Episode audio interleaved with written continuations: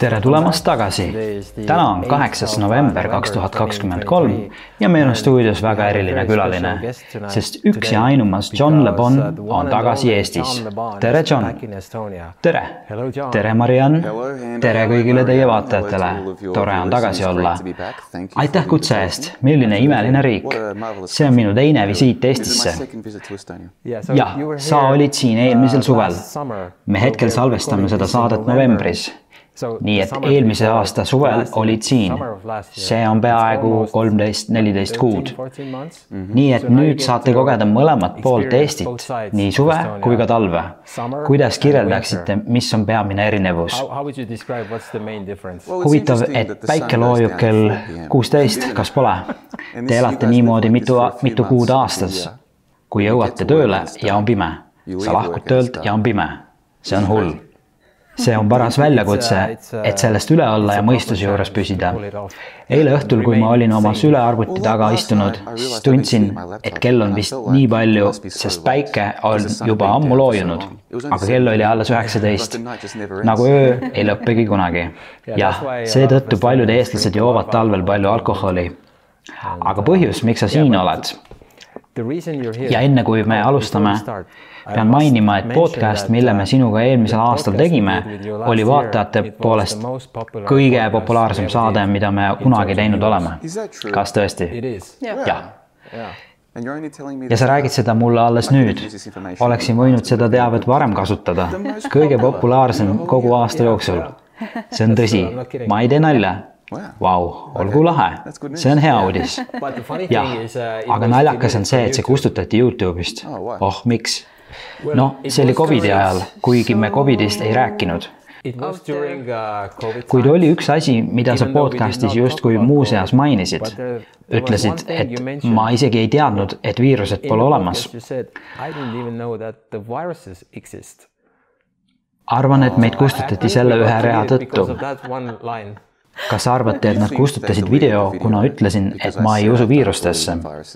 jah, sest kogu ülejäänud saade ei puudutanud Covidi ega ravimeid ega midagi sellist. see ei puudutanud midagi sellist, jutt oli ajaloost jah, me rääkisime ajaloopettusest, sest see pole tavaline teema, mida tsenseeritakse. jah, täpselt, see on huvitav.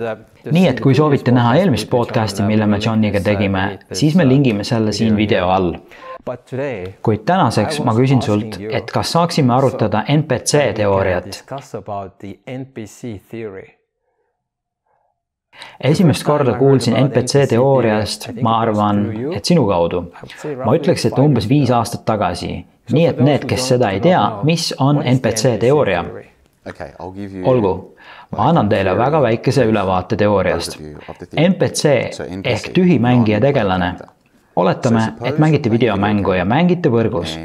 ümberringi on palju teisi inimesi ja ka nemad mängivad oma tegelast, aga mõnikord mängid videomängu ja selle tegelase taga pole inimest.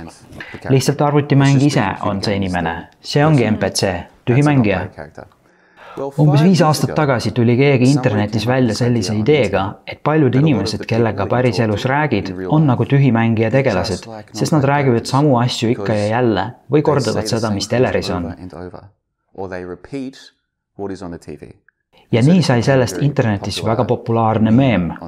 ja üks põhjusi, miks see populaarseks sai, oli see, et mõned psühholoogid tegid uuringu, püüdes kindlaks teha, kui sageli inimesed oma peaga mõtlevad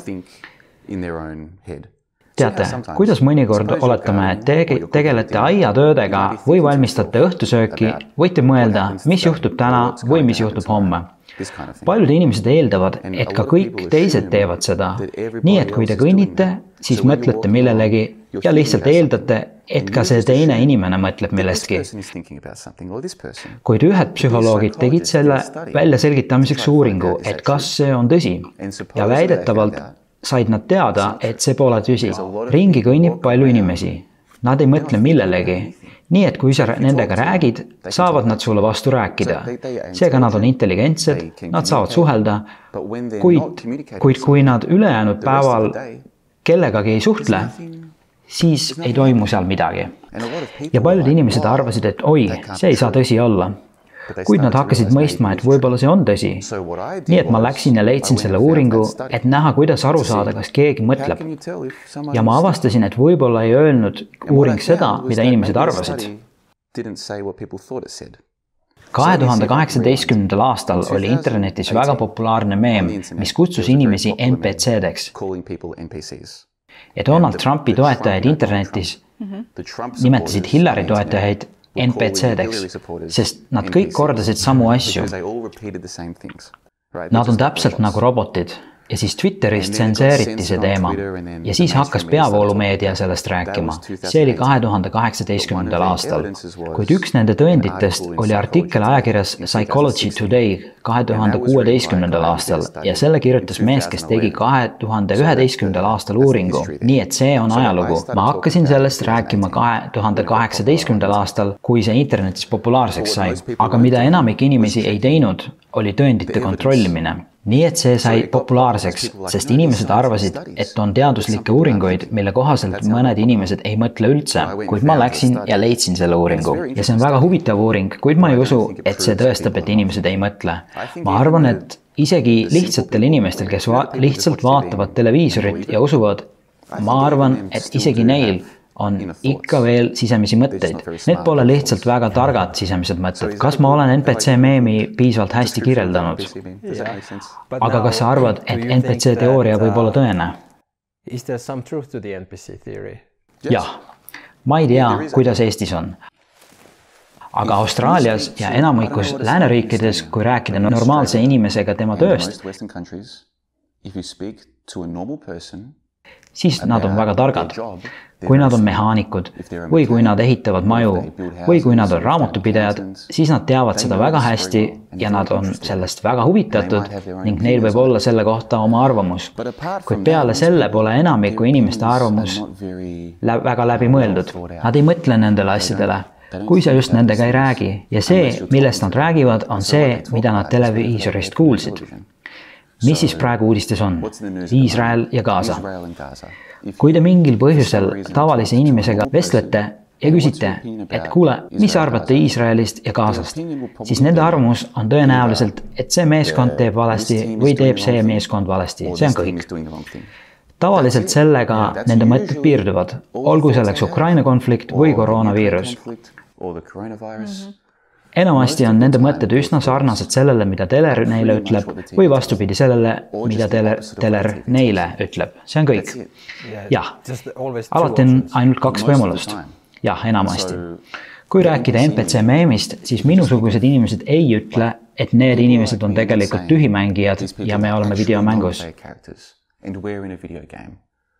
seda ma ei ütle, aga oletame, et mul on täna õhtul igav, seega otsustan mängida videomängu selles mängus saate ringi jalutada. miks ma peaksin proovima vestelda videomängu tegelasega? sellel on lihtsalt skript. ma ei saa sellele öelda, et siin, siin on minu arvamus ja mida teie sellest arvate. me ei saa temaga videomängus hakata vestlema nii, nagu ma saan teiega sellel pole mõtet. nii et ma ei prooviks. aga siin päris maailmas ma tunnen nii enamike inimeste suhtes, kui neil pole oma arvamust või kui nende arvamus pärineb televiisorist või Tiktokist. miks ma peaksin arvama, et ma saan selle inimesega vestelda? seda ei juhtu. kas mõistate, mida ma ütlen? täielikult. me kogesime NPC nähtuse võimalikku tõde Covidi ajal.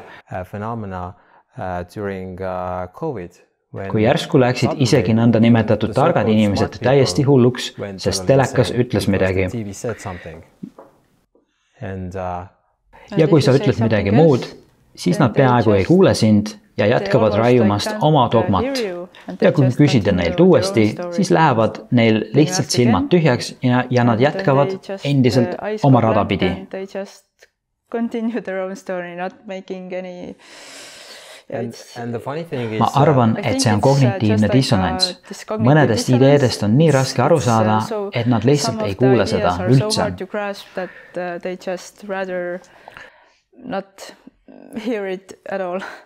küsimus on selles, kas need inimesed ei kuule neid mõtteid ega mõtle kaasa või on nad lihtsalt hirmul, et mõni ajufunktsioon ei tööta või mis sina arvad, kas need inimesed on sõna otseses mõttes lollid või on nad hullud? või kas nad kardavad? mida sa ausalt arvad, mis siin toimub? see on hea küsimus. kui koroona asja juurde tagasi tulla, kas mäletate, kuidas eriti kahe tuhande kahekümnendal aastal räägiti pidevalt sellest, kui palju juhtumeid on? kas te mäletate seda uudistes? seal öeldi, et juhtumeid on kakssada tuhat ja siis kolmsada tuhat. see oli nagu mingi edetabel, seal oli nagu mingi edetabel jaa, muidugi. see on nagu jalgpallimängu vaatamisel tulemusel silma peal hoidmine, kuid koroonast räägiti ainult juhtumite arvust. ja minu kogemus oli, et kui sa üritasid kellegagi koroonast rääkida, siis nad tõstatasid üles juhtumid. miks nad seda tegid? mina usun, et nad vaatasid televiisorit või uudiseid oma tahvelarvutist või mis iganes nende allikas oli. Nad näevad pidevalt juhtumeid ja kuulevad juhtumitest, nii et see pannakse nende ajusse siis, kui nad sinuga räägivad, edastavad nad seda lihtsalt nagu robot. see ongi NPC lahti seletatud. Neid programmeeritakse.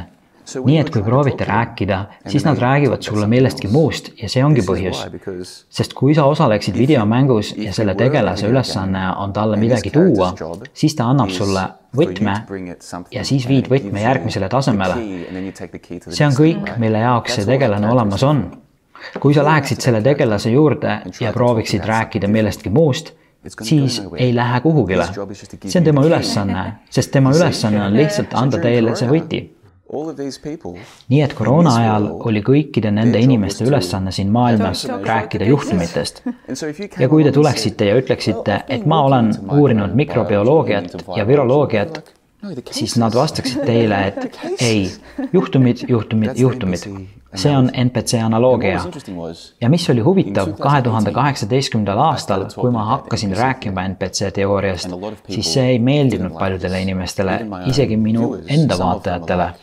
mõned neist ütlesid, et te ei tohiks seda öelda. see on lugupidamatu.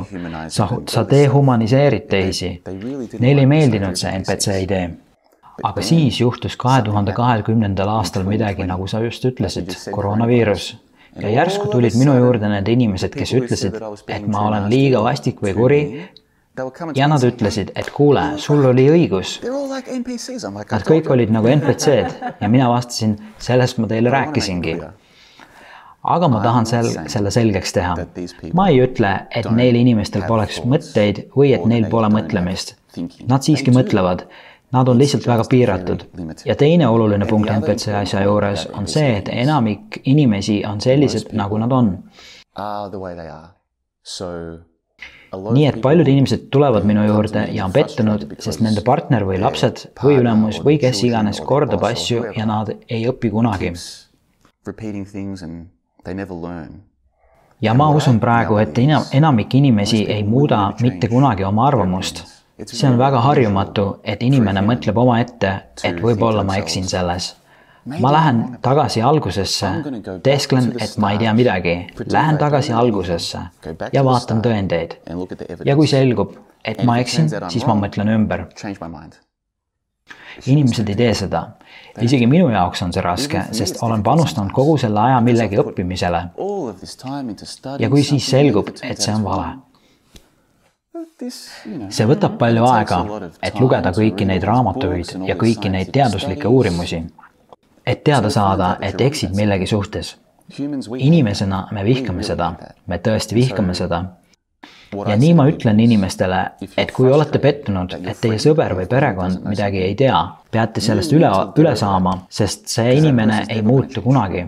Kui see on teie jaoks probleem, siis see probleem jääb. võite tulla selle inimese juurde homme koos rohkemate tõenditega ja järgmisel päeval uue teadusliku uuringuga ja järgmisel päeval veel rohkemate tõenditega. vahet pole, selle isiku arvamus ei põhine tõenditel, nii et rohkem tõendeid ei muuda midagi. nii et kui teil on nende inimestega probleeme, peate selle lahendama.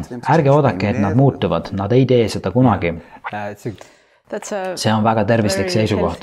kujutage ette, kui Mariann tuleks minu juurde ja ütleks, John, ma mängisin seda videomängu ja ma läksin võtmega mehe juurde ja proovisin temalt teed küsida, siis ma vastaksin, et see pole tema töö. me teeme väikse pausi, John.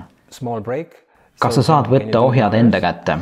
nojah, selle imelise magneesiumi vee võitmiseks toimub loosimine. Keegi on see õnnelik võitja, karbis on kaksteist pudelit. magneesiumvee võitja on üks õnnelik ja kes on võitja? selleks, et olla potentsiaalne võitja, peate jagama seda episoodi oma Facebooki ajajoonel. Yep. Yep. And uh, in the next uh, järgmises plokis räägime punasest ja sinisest meeskonnast ja kuidas NPC teooria sellega kokku läheb. ma ei jõua ära oodata. ja räägime sellest, kuidas Covid ootamatult lõppes ja midagi muud tuli selle asemele. Kohe jätkame